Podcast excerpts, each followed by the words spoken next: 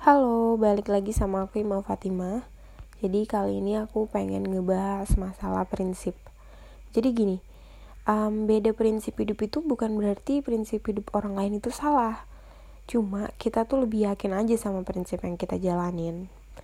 Um, kalau ada yang bilang gini, dia tuh nggak punya prinsip orangnya hari ini gini besoknya gitu.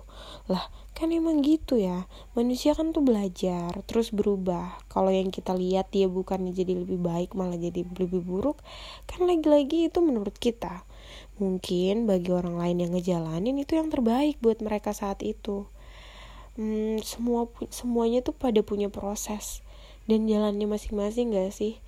Yang penting kita tuh mau berubah mau belajar jadi lebih baik seenggaknya ya lebih baik dari kita yang kemarin aja. Namanya juga hidup long life process ya kan? Um, yang terbaik bagi kita kan belum tentu yang terbaik bagi orang lain kayak gitu juga sebaliknya. Lah kita jadi ngomongin ini ya. Namanya juga belajar supaya punya prinsip. Selamat malam